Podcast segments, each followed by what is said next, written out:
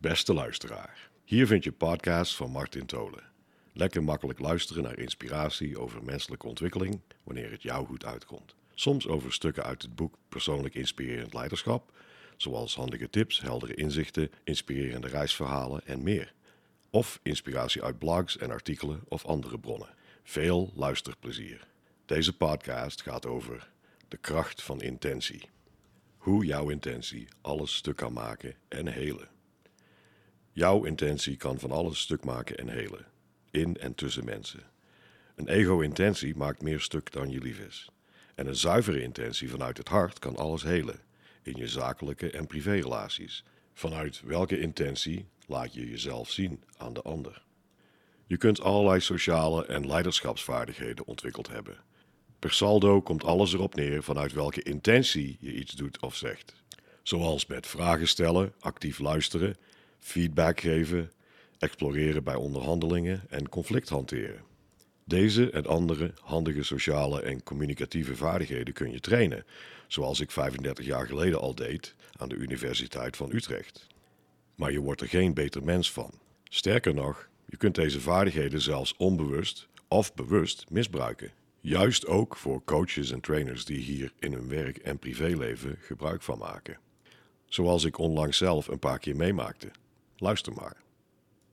Na jarenlang in een creatiecocon te hebben gezeten, was het eind 2022 tijd om naar buiten te komen met onder andere de publicatie van mijn levenswerk, het boek Persoonlijk Inspirerend Leiderschap. Vanuit pure blijdschap wilde ik de informatie delen en ben ik op zoek gegaan naar oud-collega's en allerlei instanties om met hen samen te werken. Opvallend was tegen hoeveel ego-muren ik opliep. Onbewuste ego-intenties. Zo ontving ik bij een gesprek met een oud collega die mijn boek gelezen had geen enkele opsteker, maar alleen kritische vragen over mijn nieuwe boek. Heb je dat zelf bedacht, die vijf opgaven van de ziel? Antwoord ja. Wat is eigenlijk nieuw aan je boek? Antwoord dat het op begrijpelijke en toepasbare wijze alle drie krachten, ego, ziel en spirit, toelicht en inzicht geeft in hoe die krachten al je keuzes en gedrag bepalen en hoe je ze bewust kunt gebruiken. Los van de vragen zelf was ik met name benieuwd naar de intentie achter de vraag van de vragensteller. Het leek er sterk op dat het ego van de vragensteller hem meer te pakken had dan hij zelf doorhad.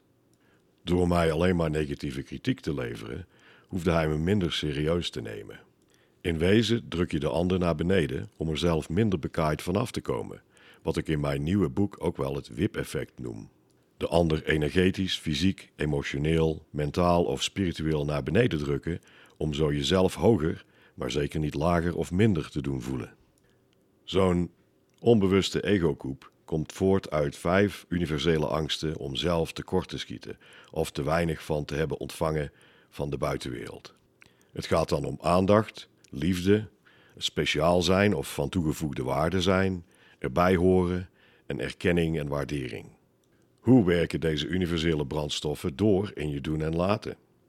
Op het moment dat je iemand die je bewondert tegenkomt, loop je de kans dat je die onbewust of bewust naar beneden drukt, zelfs met een open vraag die interviewtechnisch op zich prima is qua vorm. Waarom? Zodat je voor je gevoel er niet voor onder doet. Vanuit de angst zelf als onvoldoende gezien te worden, probeer je jezelf te levelen door de ander naar beneden te drukken. Op het moment dat je ego ongemerkt in de hoofdzetel zit, word je overmeesterd door machtspelletjes en hebzucht. Zodat je voor je gevoel er zelf nog toe doet en jezelf niet minder hoeft te voelen. Je eigen fysieke, materiële, emotionele, mentale of spirituele behoeftigheid neemt het van je over. In dit geval de emotionele behoefte aan gelijke waardering of erkenning. Denk je dat dit uitzonderingen zijn? Ik ervaar het meer als regel dat het ego een veel sterkere invloed op mensen, coaches en trainers heeft dan ze vaak zelf onderkennen. De praktijk. Twee weken geleden was ik voor een mogelijke samenwerking op gesprek bij een interimbureau. De oprichter waarmee ik een gesprek zou hebben, was afwezig en werd vervangen door twee jongere dames. Ik ga zitten en wacht op hun introductie, die niet komt. Ze blijven 15 seconden stil en kijken me strak aan en zeggen niks. Ik besluit om de stilte te doorbreken en geef aan hoe ik hier terecht ben gekomen. Na mijn introductie word ik afgekapt en zegt de jong zittende directrice op directieve wijze Wij willen het gesprek als volgt doen.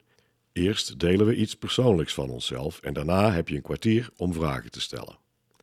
Toen het zover was dat ik vragen mocht stellen, gebeurde het volgende. Hoe ziet interim werken er bij jullie uit? Gewoon. Kun je dat toelichten? Nou, niks bijzonders. Als ik een dag met je mee zou lopen, wat zou ik je dan zien doen? Van alles. Ik kwam erachter dat mijn open vragen geen nieuwe en waardevolle informatie opleverden. Ook werden hobby's gedeeld, waaronder boetseren en Thai boxing, die mij niet veel vitale informatie gaf waar ik om vroeg. Een fragment. Ik doe aan Thai boxing. Oh, dat is bijzonder, met een positieve toon van bewondering van kracht. Nou, vind je dat niet normaal dan? Los van het feit dat basale gesprekstechnieken pover werden toegepast, was er met name een afstandelijke en zelfs vijandige sfeer richting mij merkbaar. Vanaf het moment dat ik de kamer instapte.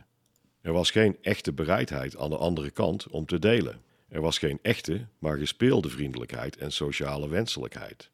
Er was geen echte openheid, maar er werd vanaf het begin gespeeld met machtsspelletjes. Ik stond op het punt de meeting tussentijds te verlaten, want soms is het laf om te gaan, maar soms is het laf om te blijven. Het deed bij mij onder andere de vraag reizen in hoeverre zijn mensen, waaronder ook ervaren coaches, trainers en interim managers, of mensen in het algemeen, zichzelf wel bewust van hun eigen intentie van waaruit ze iets zeggen, vragen of doen, of juist niet. Uit welk vaatje tap jij? Ego of spirit? De intentie is direct te toetsen aan de kenmerken van een te groot ego, of aan de kenmerken van bewustzijn of spirit, zoals je die in mijn boek terugziet. Als niet je ego, maar spirit of bewustzijn de overhand heeft, dan doe je iets of je doet het niet vanuit nieuwsgierigheid, oprechtheid, openheid, liefde en vriendelijkheid. Hoe zouden de vorige twee meetings eruit hebben gezien als de andere gesprekspartner meer spirit dan ego zou toepassen? Intentie vanuit spirit in plaats van ego. Een collega zei over mijn boek: Goh, wat een werk heb je geleverd. Kan je me vertellen hoe ben je aan de vondst van vijf opgaven voor de ziel gekomen? Dit werd gezegd met een oprechte en vriendelijke toon van nieuwsgierigheid. Zo krijg je een veel opener en echter gesprek zonder dat ego de boel vertroebelt. Zoals een andere collega mij liet weten, niet vanuit ego, maar vanuit spirit. Heel geboeid was ik. Het is uitnodigend geschreven, niet belerend. Met de voorbeelden en oefeningen komt het ook echt binnen. Prettig vormgegeven ook. Ik ga het als handboek gebruiken, om af en toe bij te komen of te reflecteren op een moeilijke situatie of me gewoon te laten inspireren. Een interim manager zei: Goh, fijn dat je op tijd bent gekomen. We willen graag op deze manier het gesprek voeren. Is dat oké voor je? Wanneer stap jij goed uit dit gesprek? Wat kan ik daarvoor doen? Op die manier krijg je een avontuurlijke exploratie en een prettige uitwisseling. Zo zie je hoe je in een mum van tijd vanuit een andere intentie, namelijk spirit in plaats van ego, veel betere werk en ook privérelaties en samenwerkingen kunt creëren. Maar dan moet je, ook als ervaren coach of interim manager of als wat dan ook, in de spiegel durven blijven kijken en leren. En dat komt nog wel eens in het slop in de loop der jaren. Ben jij je bewust vanuit welke intentie je iemand een vraag stelt? Vanuit je hart of vanuit macht? Vanuit liefde of angst? Als je glashard oprecht bent naar jezelf, kun je een draai maken die de directe wereld om je heen een stukje leuker en beter maakt.